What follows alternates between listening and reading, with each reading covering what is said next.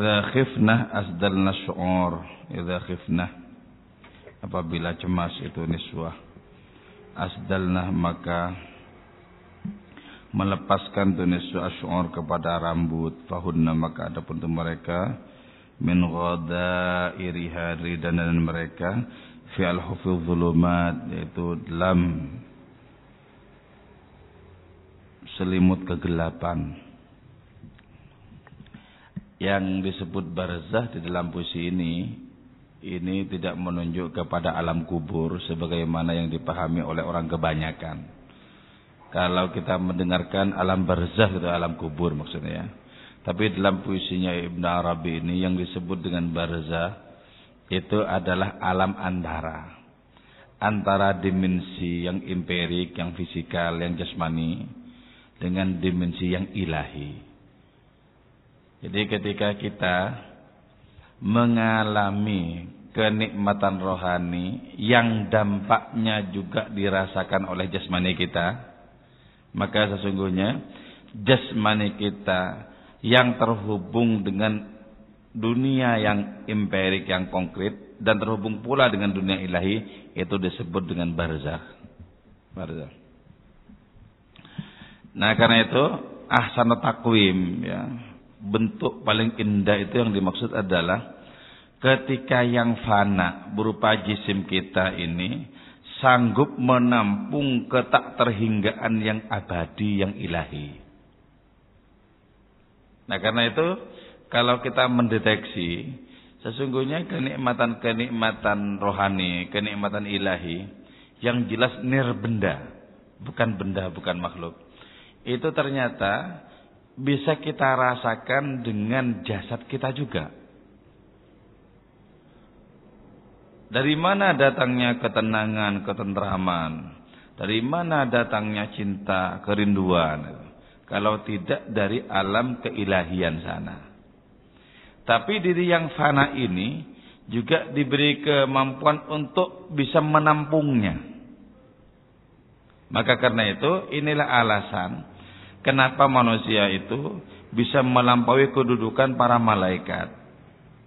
Malaikat murni cahaya, tidak empirik, tidak realistis, tidak konkret. Nah, kita empirik, kita nyata, realistis, dan kita bisa memberikan makna kepada dimensi kefanaan diri kita. Itu kelebihan kita dibandingkan dengan malaikat. Sehingga kita bisa beramal sebagaimana amalnya malaikat, tapi malaikat tidak bisa sepenuhnya beramal sebagaimana amalnya kita. Maka dengan demikian, umat Nabi Muhammad ini, kita ini, ini diberi tugas untuk apa? Untuk mentransendensikan segala sesuatu yang dianugerahkan oleh Allah kepada kita. Apa yang kita transendensikan? Jasad kita, umur kita, nasib kita, segala sesuatu yang kita kerjakan, profesi-profesi kita dan lain semacamnya. Itu semuanya bisa ditransendensikan yang nilai-nilainya itu terbang mencapai Allah taala. Dan apa yang kita lakukan seperti itu tidak bisa dilakukan oleh para malaikat. Nah kata Ibnu Arabi, hunaka man qad syafaul wajdu. Di situ di alam barzakh itu, di jasmani-jasmani yang sudah mengalami transendensi itu, ada orang yang didekap oleh kerinduan. Ketika kerinduan itu menguasai seseorang, maka fisik orang ini pun memberikan respon dan dukungan terhadap kerinduan yang ada. Bagaimana orang gelisah dengan kerinduan yang ada? Yang gelisah bukan saja pikirannya, badannya juga gelisah. Nah, kalau kerinduan ini diterapkan kepada Allah Subhanahu wa taala, maka orang berada dalam suasana yang tidak mengenakkan tapi sekaligus sangat lezat rasanya. Tidak enak karena memang tidak tentram. Tapi tidak tentram karena rindu itu adalah kenikmatan. Karena itu ya, orang-orang ilahi, orang-orang Tuhan itu mengembara sepanjang malam karena kerinduannya membuat dia tidak pernah tentram. Naam sarataifu man ahwa fa'arraqani. Betul, memang melintas wajah orang yang aku cintai. Lantas karena itu aku tidak bisa tidur sepanjang malam. Mengembara, mengarungi malam dengan kerinduan. Malam adalah saat-saat kegelisahan, juga saat-saat kenikmatan yang tidak terpermanai. Nah ketika orang itu didekap oleh kerinduan, yastafi bima min nisbatin atirat. Orang itu bisa mengobati kerinduannya dengan apa? Dengan menyaksikan perempuan-perempuan yang cantik dan wangi. Saksikan perempuan-perempuan cantik itu.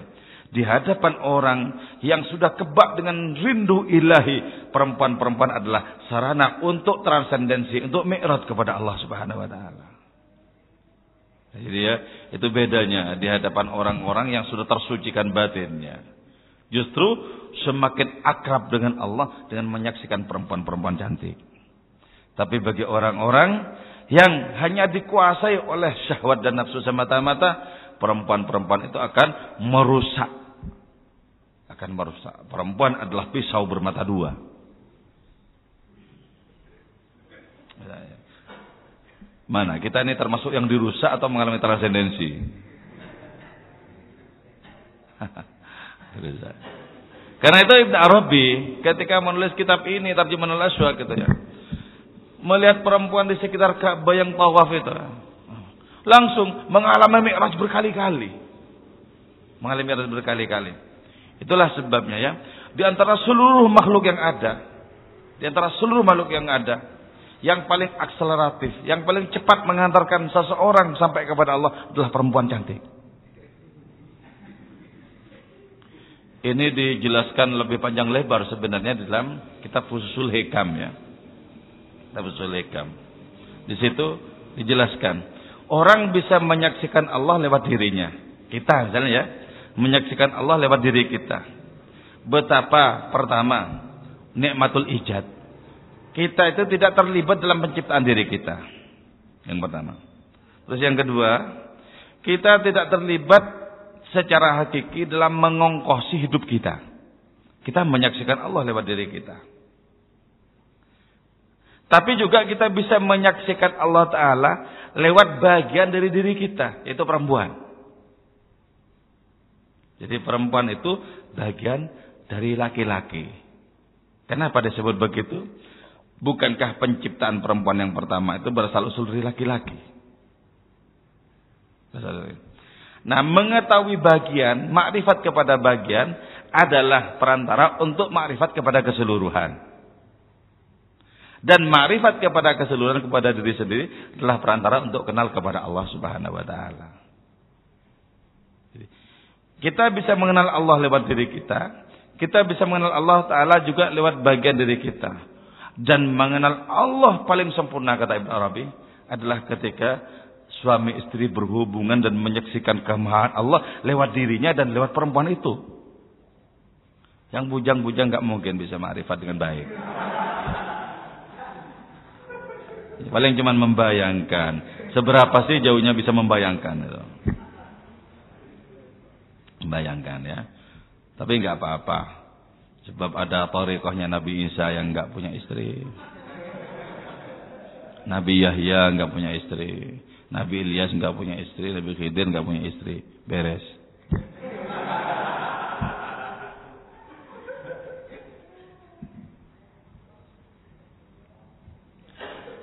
Nah, dari sekarang ya, dari sekarang. Ketika batin kita sudah mulai memiliki hasrat yang kuat kepada Allah memiliki keberpihakan yang kuat kepada Allah. Coba kita cek, saksikan perempuan cantik tidak menambah apa pun kecuali getar kerinduan kepada penciptanya. Itulah sebabnya kalau orang sudah sampai di makom ini, makomnya aman ini. Aman. Jadi saksikan apa-apa aman. Karena itu Kalau saya ke mall, mall sama istri saya, saya bilang, coba saya lihat tuh dek, lihat, saya lihat tuh perempuan yang nyaris telanjang itu, coba kau saksikan wajahku, wajah yang bersyahwat atau bertransendensi. Jadi kita harus bisa menakar diri sendiri yang nggak asal-asalan. Makomnya syahwat nafsu, menyangka dirinya transenden. Itu berbahaya itu. Salah sangka. Salah sangka.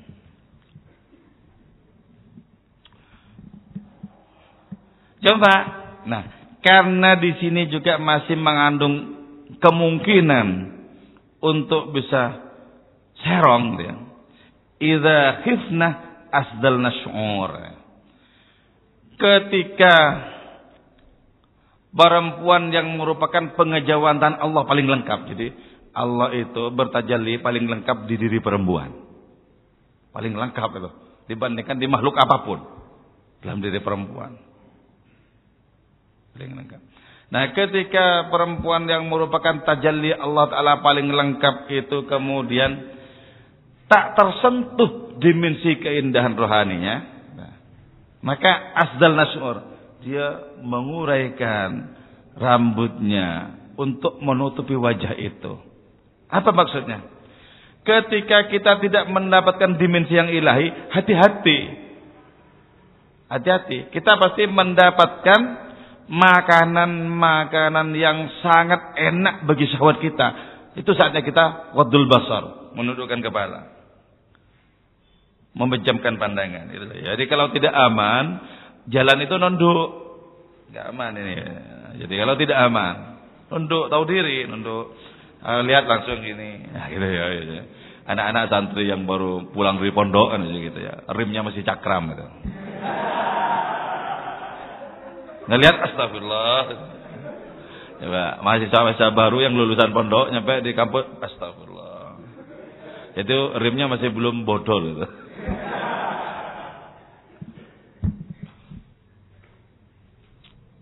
Nah, kalau kira-kira tidak aman, gak usah. Jangan ikut-ikutan bergabung dengan orang-orang makrifat. Gak usah kalau memang gak aman gak usah. Makomnya dewe-dewe. Kalau memang gak aman gini. Jadi jangan jangan diumbar penglihatannya. Yaghudduna absarum yahfazu furujahum. Ini tanda-tandanya orang beriman kan.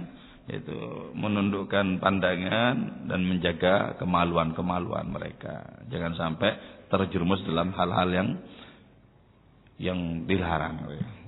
Jaga. Nah ketika saat itulah kemudian ya. Ketika yang dimungkinkan itu hanyalah dimensi jasadiahnya semata. Ketika yang dimungkinkan itu adalah mengumbar syahwat dan nafsu semata-mata. Fahunna min ghadairi fi al zulumat. Maka sungguhnya mereka itu berada dalam selimut kekelaman. Artinya apa? Tak tertembus oleh kekuatan penglihatan yang hanya merupakan sarana bagi syahwat dan nafsu nggak tertembus.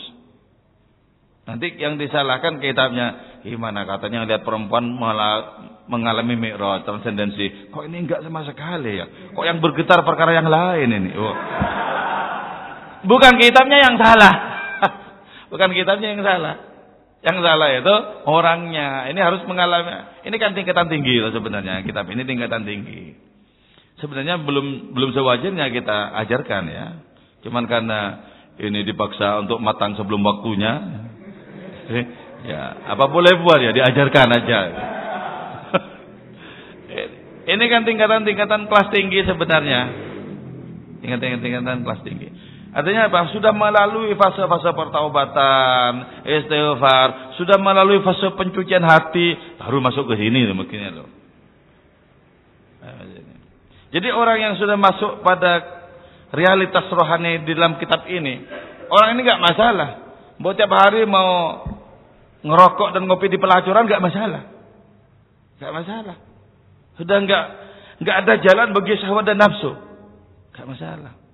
Jadi karena itu kalau masih dibayang-bayangi oleh tarian-tarian syahwat dan nafsu, nggak bisa mengamalkan kitab ini, nggak bisa.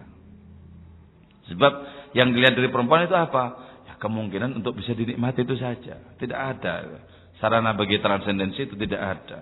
untuk menyampaikan seorang kepada Allah Taala itu nggak ada. Nggak ada. Maka kemudian ya kita bisa paham di sini. Kenapa Nabi kita itu meletakkan kesenangannya terhadap perempuan pada nomor urut pertama. Hubbiba min dunyakum thalathun. Aku ditakdirkan untuk mencintai dunia kalian itu tiga hal. Satu, nisa perempuan. Keberpihakan Nabi kepada perempuan di sini tidak saja pada nomor urut ya. Yang pertama tidak. Tapi secara secara ilmu nahu saja Nabi melakukan keberpihakan terhadap perempuan. Misalnya dalam dalam alfia ya.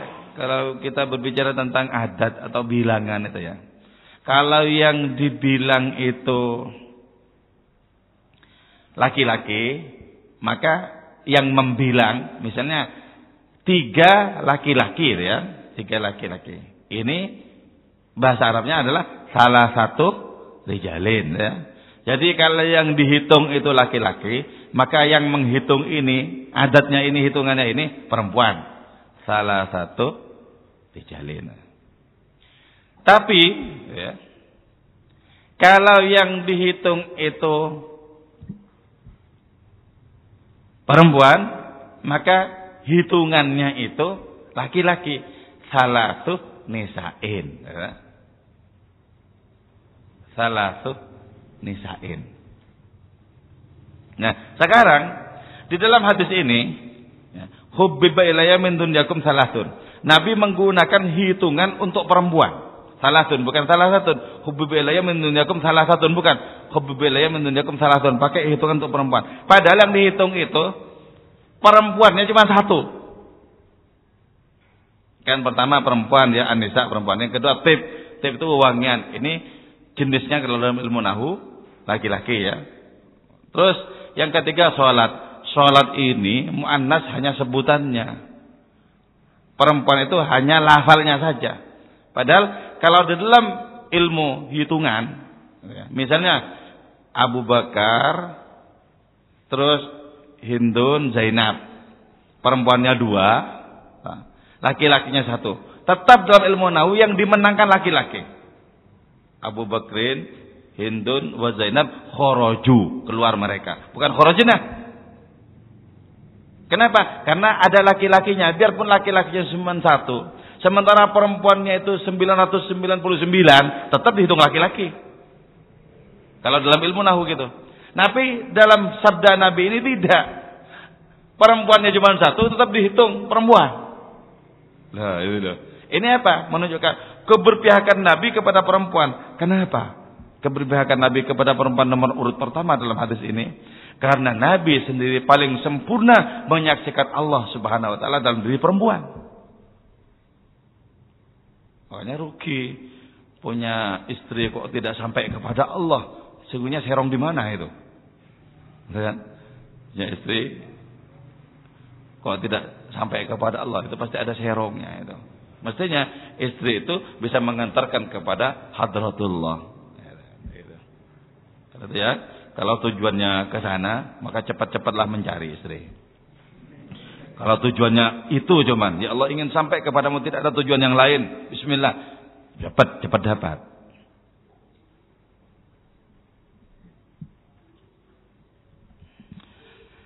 Nah berarti dengan demikian ya. Berarti dengan demikian. Dimensi jamaliyahnya Allah itu. Dimensi keindahannya Allah Ta'ala itu. Jauh lebih berpendar-pendar. Mengantarkan siapa pun untuk dekat kepada Allah. Karena itu dalam sebuah hadis tentang Isra Mi'raj misalnya itu disebutkan Al hadi ahdiru qulubakum ya ma'syara dzabil albab hatta ajlu lakum araisa ma'ani ajalil ahbab. Al maqsusi bi asrabil alqab arraqi ila hadratil malikil wahab hatta nazara ila jamalihi bila sitrin wala hijab. Jadi ketika Nabi Mi'raj nazara ila jamalihi. Nabi itu menyaksikan keindahan Allah bila sitrin wala hijab tanpa tedeng, tanpa aling-aling. Tapi kepada jalaliyahnya nggak bisa. Nggak ada siapa pun bisa menatap jalaliyah Allah Taala. Ketika diberi kesempatan untuk menatap jalaliyahnya, hancur di waktu itu juga setiap makhluk itu. Berarti apa? Allah membuka lebar-lebar pintu keindahannya agar orang-orang beriman melesat, berlari, terbang menuju kepada hadiratnya. Pintu keindahan. Nah dari situ kemudian difirmankan Inna rahmati wasiat kullasyai. Rahmatku itu melampaui segala-galanya, belas kasihku melampaui segala-galanya. Nah dengan dibukakan pintu yang seperti itu, dengan dibukakan pintu yang seperti itu, mestinya tidak ada alasan untuk tidak usul, tidak ada alasan untuk tidak sampai kepada Allah Subhanahu Wa Taala mestinya. Bukankah pada segala sesuatu ada kehadiran Allah? Bukankah terutama pada perempuan-perempuan yang cantik itu sangat jelas kehadiran Allah Subhanahu Wa Taala? Jelas. Kalau kau tidak menyaksikan kehadirannya kata Maulana Rumi, coba kucek sekali lagi matamu. Ya, mungkin mungkin ada yang silap. Allah Ta'ala hadir pada segala sesuatu. Pada ciptaannya yang paling indah. Pada perempuan-perempuan cantik. Hadir di situ. Bagaimana mungkin? Nah itulah sebabnya Sayyidul Kaunain. Kanjeng Nabi yang merupakan Tuhan dari dua dunia. Dunia ini dan akhirat nanti. Ya.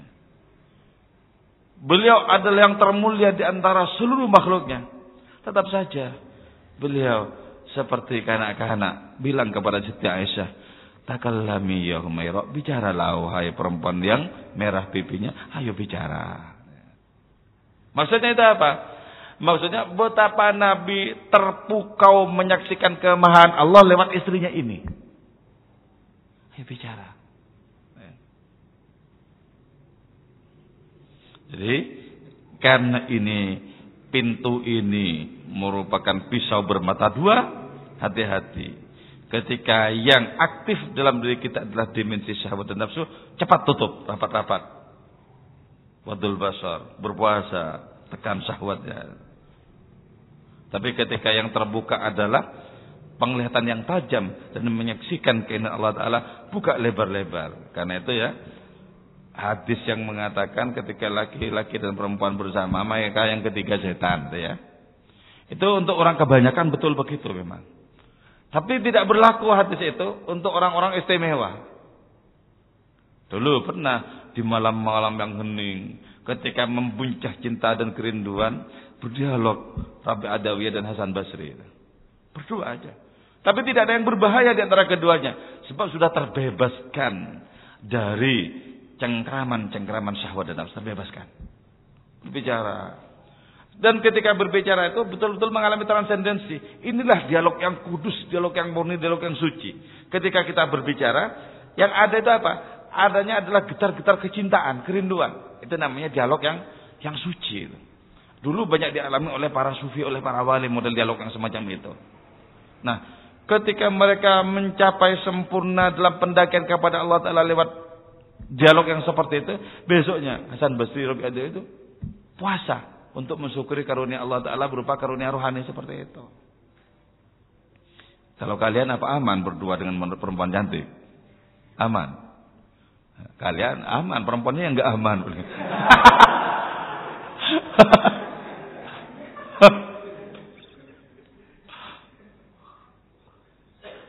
Ya dah.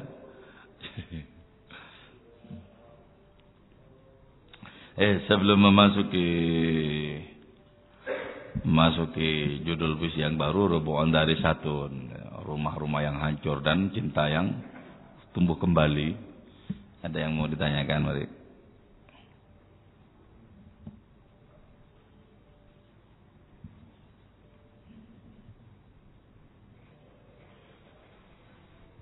Karena itu kalau Sayyidina Ali kan ma akramahunna illa karimun. Tidak ada yang memuliakan perempuan kecuali laki-laki yang mulia. Sebab ngerti, oh itu tangga kepada Allah. Wa ma'ahanahunna illa laimun. Dan tidak ada yang menghina perempuan kecuali perempuan yang kecuali laki-laki yang juga hina.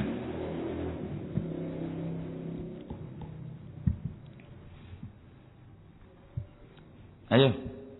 Ayo bicara. Ah, kok terpukau Sampai nggak ada yang ditanyakan, terpukau apa nggak paham.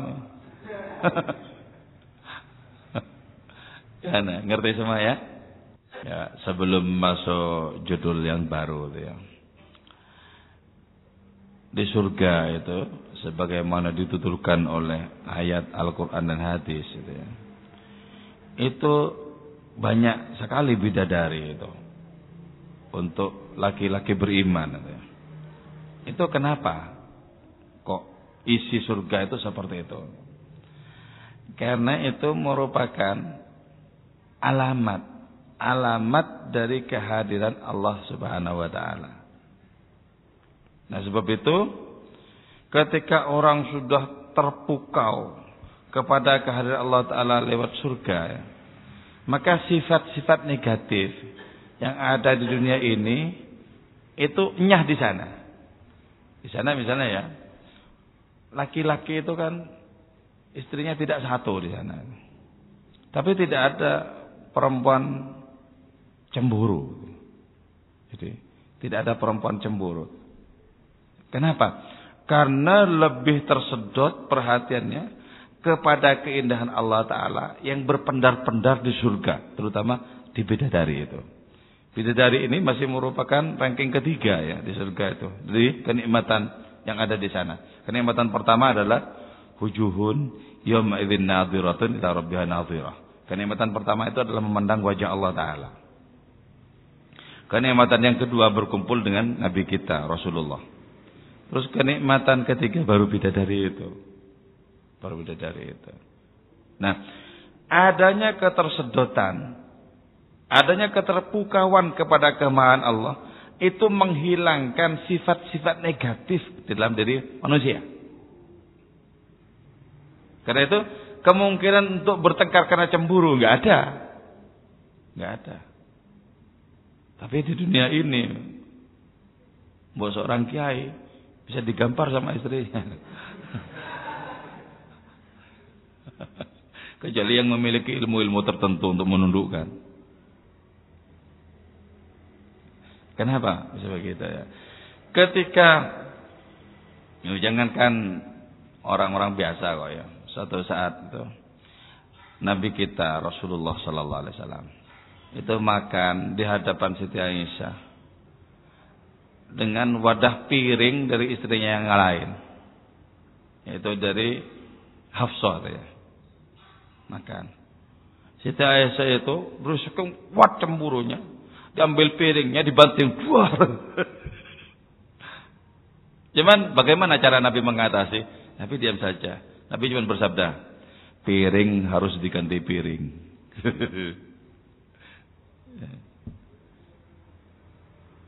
Itu berarti apa? Berarti memang kehidupan di dunia ini sulit untuk sampai kepada kefanaan yang tuntas di mana orang sudah tidak mereka apa pun yang lain. Sulit. Ya orang-orang orang-orang pilihan, orang-orang yang mendapat karunia kelas tinggi bisa gitu ya. Karena dari saking kuatnya fokus kepada Allah Ta'ala itu, hal-hal yang lain itu sudah tidak mengganggu dirinya. Seperti Nabi Zakaria ketika disembelih itu. Enggak menghiraukan itu. Enggak menghiraukan gergaji yang menyembelih itu enggak menghiraukan. Karena itu kemudian Allah berfirman, andaikan Zakaria itu bilang aw gitu saja. Karena itu merupakan respon yang kurang mengenakan terhadap takdir yang pahit itu. Maka kubolak balik langit dan bumi. Itu. Tapi tetap menerima. Kenapa? Cintanya menyala-nyala kepada Allah Ta'ala. Nah, kita mestinya hijrahnya ke sana. Lakukan keberpihakan habis-habisan kepada Allah dalam dunia yang sementara ini. Maka kita akan memiliki mahkota sebagai pangeran-pangeran rohani. Jadi jangan gampang tergiur, jangan gampang sakit hati, jangan gampang tersinggung, jangan gampang. Orang-orang yang gampang-gampangan seperti itu, itu menunjukkan bahwa sesungguhnya betapa kelas rohaninya itu masih belum pantas untuk berhadapan dengan berbagai macam gelombang cobaan dan ujian. Gampang dia dikit tersinggung, dikit ngamuk, dikit apa. Ya, ya.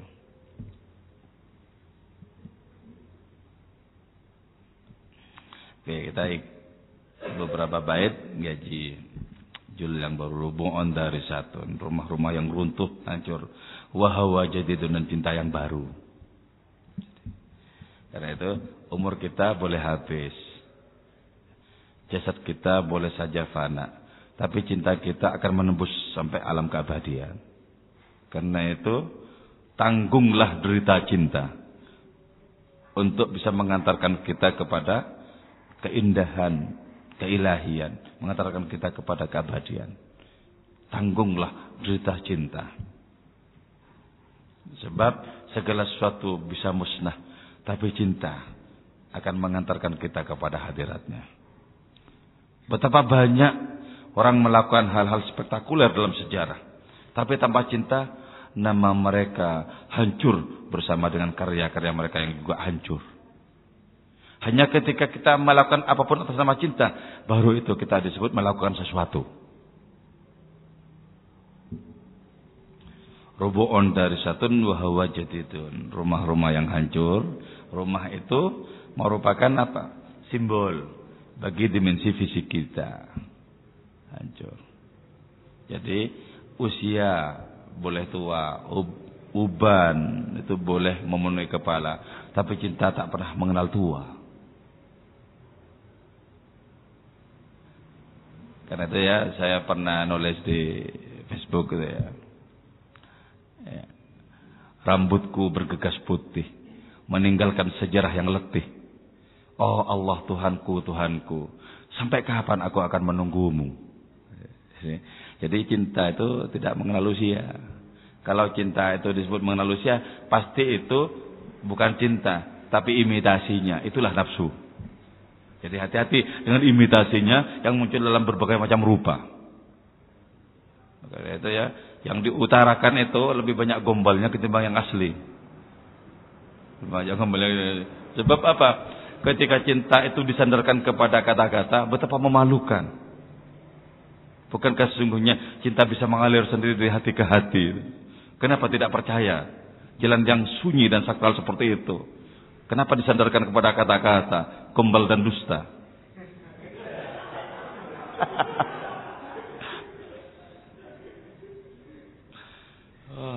kenyataan lebih fasih berbicara. Kenapa disandarkan kepada kata-kata?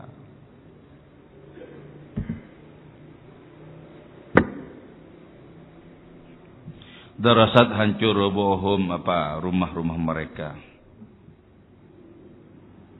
Wa inna hawahum dan sesungguhnya cinta mereka abad dan selamanya jadidun ialah baru. Bil hasya ma baini yadrus. Bil hasya dalam hati ma yadrus sama sekali tidak hancur. Jadi jasad mereka berkalang tanah. Tapi cinta yang pernah dipendam di dalam hati mereka tak pernah hancur. Nabi wafat bukan? Dan karena itu kita tidak bisa menemui jasad beliau. Tapi betapa cintanya merayap di kalangan orang-orang beriman. Betapa cintanya masih bisa dirasakan.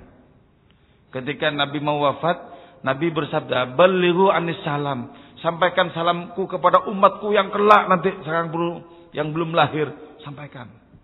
Ketika kita merasakan adanya dukup cinta Nabi dalam diri kita, kita merasakan orang yang disampaikan salam itu.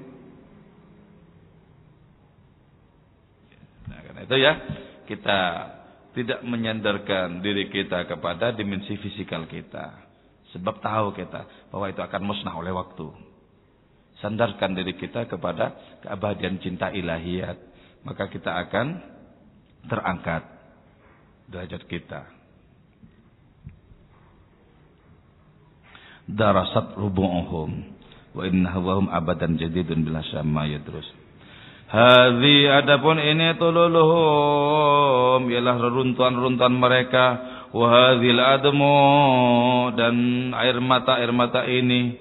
Walidzikrihim abadan dan karena ingat kepada mereka abadan selamanya tazubu menjadi hancur alamfusu apa jiwa-jiwa. Bisulaima waha waha kam zabat zabat kulubuh ya dalam syair salawatan. Wong dengan Sulaima saja ya. Sulaima ini perempuan Arab yang terkenal dengan kecantikannya dengan Sulaiman dan cinta yang dimiliki itu. Betapa banyak hati hancur karenanya. Jadi perempuan-perempuan cantik itu secara lahir ya banyak menghancurkan hati laki-laki, laki. Menghancurkan hati laki-laki. Nah, apalagi cinta ilahiyat bagaimana tidak hancur lebur? Ya, tidak hancur lebur. Karena itu ya bahayanya perempuan cantik itu juga banyak loh. Bisa banyak makan korban. Dulu saya pernah mengikuti serial film Tulyung Tu ya, tahun-tahun 90-an ya. Film serial Tulyung Tu itu, pedang pembunuh naga. Di situ ya ada seorang ibu itu ya. Itu berwasiat kepada anaknya laki-laki masih remaja. Anakku katanya kan. Anakku di dalam hidup ini Hati-hati dengan perempuan cantik anakku. Semakin cantik perempuan, semakin memungkinkan untuk melukai hatimu. Hati-hati dengan perempuan cantik anak. Ya, itu ya. Jadi pilih yang biasa-biasa saja ya. yang cantik-cantik biar saya yang ambil.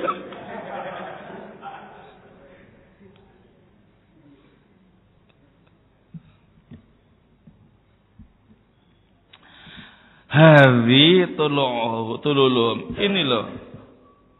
Runtuhan-runtuhan mereka. Coba. Kalau kita melewati sebuah daerah di mana di situ pernah kita kenal dulu penduduknya lewat cerita-cerita, lewat kisah-kisah. Betapa hancur dulu hati kita. Saya ketika berada di Madinah itu ya, lewat di dekat kaki Gunung Sila. Dekat kaki Gunung Sila itu, Dulu Nabi selama tiga hari tiga malam itu menggali parit atas usulan Salman Al Farisi menjelang perang Khandaq ya. Hancur dulu hati ini menyaksikan tempat itu. Ya Rasul, dulu engkau di sini ya Rasul, di sini berjerih payah di sini untuk menegakkan agama suci ilahi. Kau di sini Rasul. Jadi melihat tempat saja yang terkait dengan cerita-cerita kesucian di masa silam para nabi atau para wali itu Hancur lebur rasanya. Karena itu bisulaima waha waha kam dapat kulubu. Wa ana asyakutoh. Aku itu tidak nabi. Fakai fakol bila itu. Bagaimana mungkin hatiku tidak hancur lebur karenanya. Jadi pertautan-pertautan dengan tempat-tempat yang sangat berkesan dalam batin kita karena kita baca dalam sejarah, biarpun kita belum pernah ke sana. Nanti ketika disempatkan ke sana, diberi kesempatan ke sana, kita akan betul-betul gentar karena itu. Melihat dari jauh ya di Makkah itu. Melihat dari jauh Gua Thur, tempat Nabi dulu itu bersembunyi. Ya Allah. Ya Allah. Dalam batin saya, andaikan saya masih bujangan, saya pasti menghilang di tanah suci ini. Artinya apa? Ya biar rombongan pulang sendiri dengan pesawatnya. Saya ingin mengembara di antara tempat-tempat bersejarah itu. Kenapa? Pasti hidup di sana hidup di sana. Saya beberapa kali itu tidur di masjid di Nabawi itu bersama orang-orang Baduy orang-orang pedalaman Arab itu. Mencoba untuk tidak memikirkan makan dan lain semacamnya itu. Itu tetap ada. Dikirim oleh Allah Taala rezeki itu ada. Habis subuh itu halal halal halal kurma segar-segar. Terus minumnya itu minum air zam-zam. Sabda Nabi, zam-zam maun lima suribalahu. Zam-zam itu adalah minuman, adalah air yang bisa dipakai untuk keperluan apa saja. Untuk orang lapar bisa mengenyangkan. Untuk orang sakit bisa menyehatkan. Untuk orang dahaga bisa menghilangkan dahaga. Bisa untuk keperluan apa saja. Oh, dalam ini. Coba dulu ketika umroh itu saya masih bujang. Saya mau di sini bertahun-tahun. Untuk apa? Untuk mengasah cinta ilahiyah. Saya masih kepikiran anak, istri. Pulanglah nanti malah repotkan banyak orang nanti ya. Sebenarnya menggelandang di sana wah asik juga. Untuk apa? Untuk mengukur seberapa tawakal kita sebenarnya. Ukur seberapa tawakal kita. Bisa nggak tawakal yang tuntas.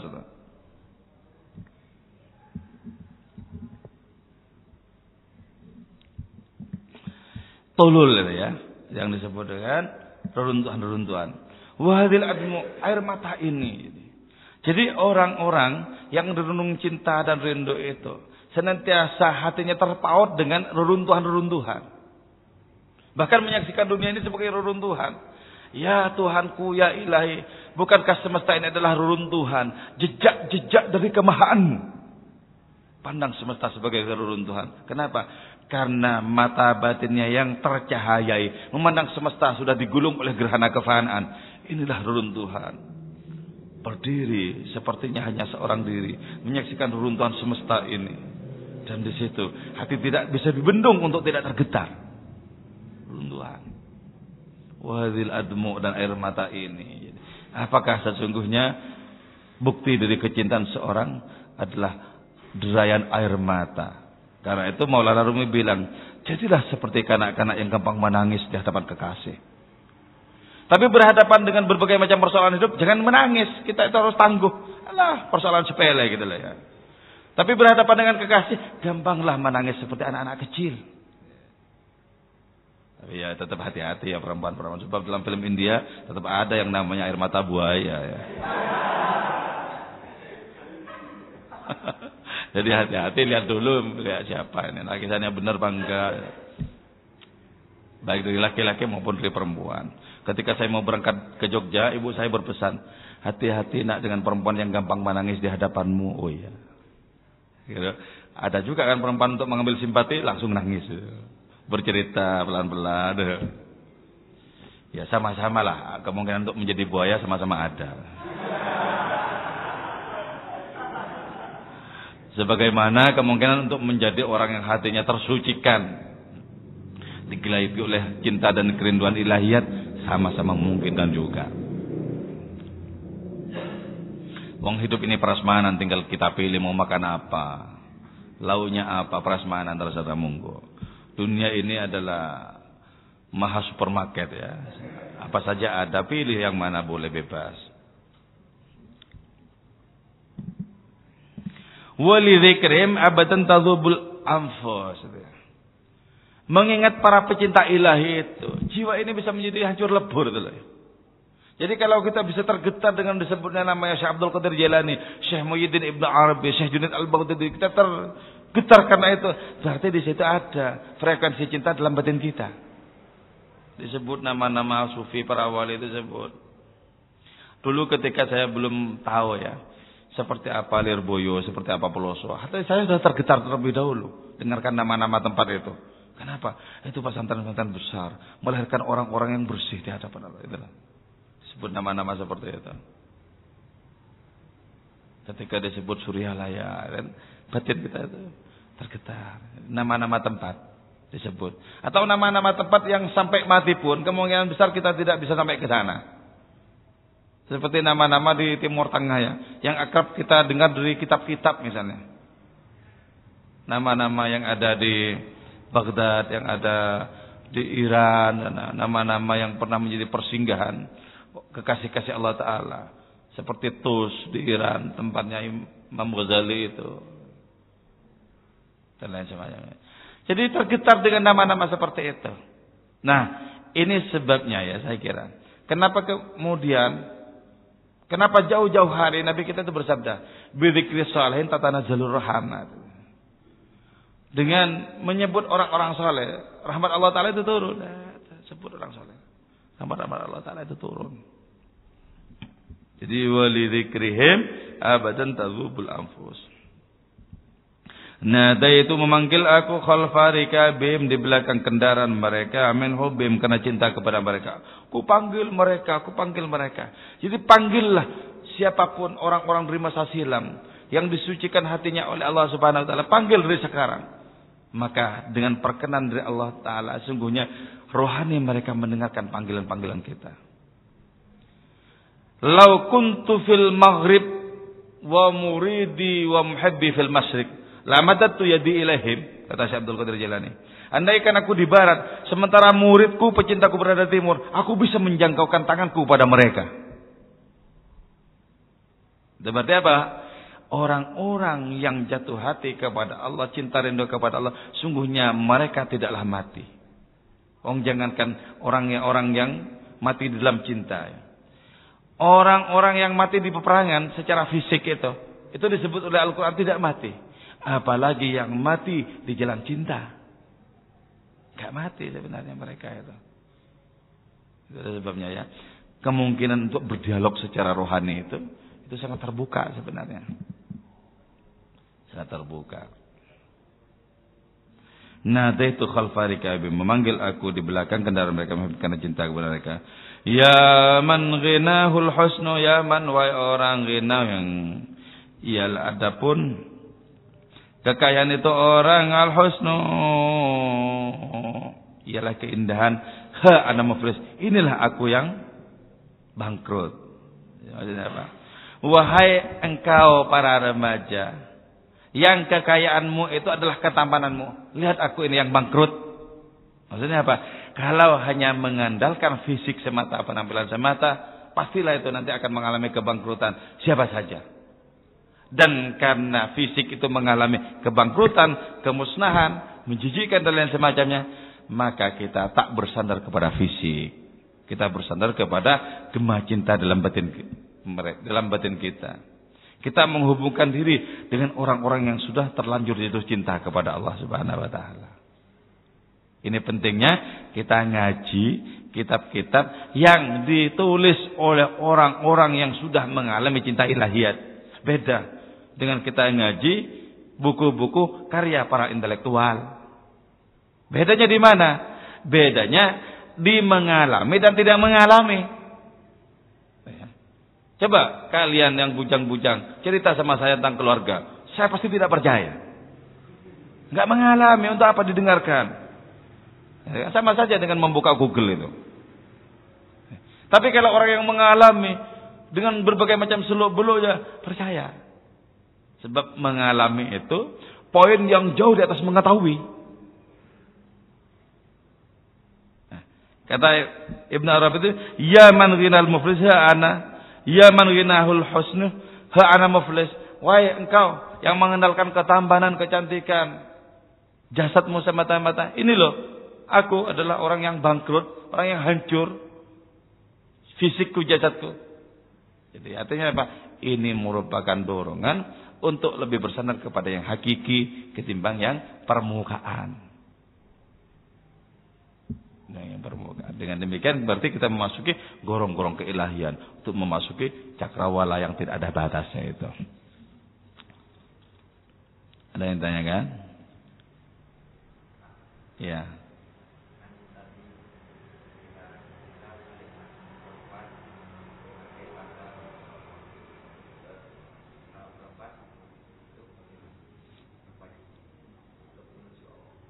Kalau perempuan itu caranya melihat laki-laki sebagai asal usulnya. Jadi kalau laki-laki melihat perempuan itu keseluruhan melihat bagian.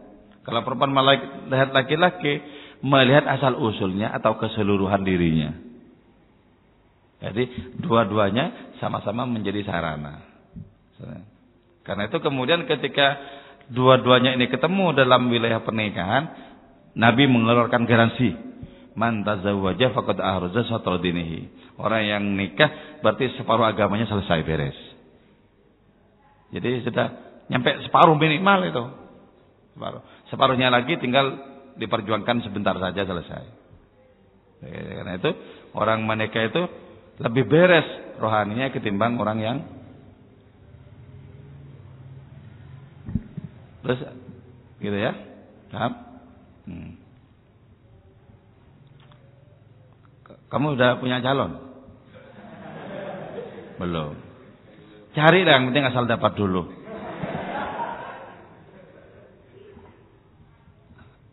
Ada yang tanyakan lagi? Oke. Moga-moga ini manfaat dan barokah. Assalamualaikum warahmatullahi wabarakatuh.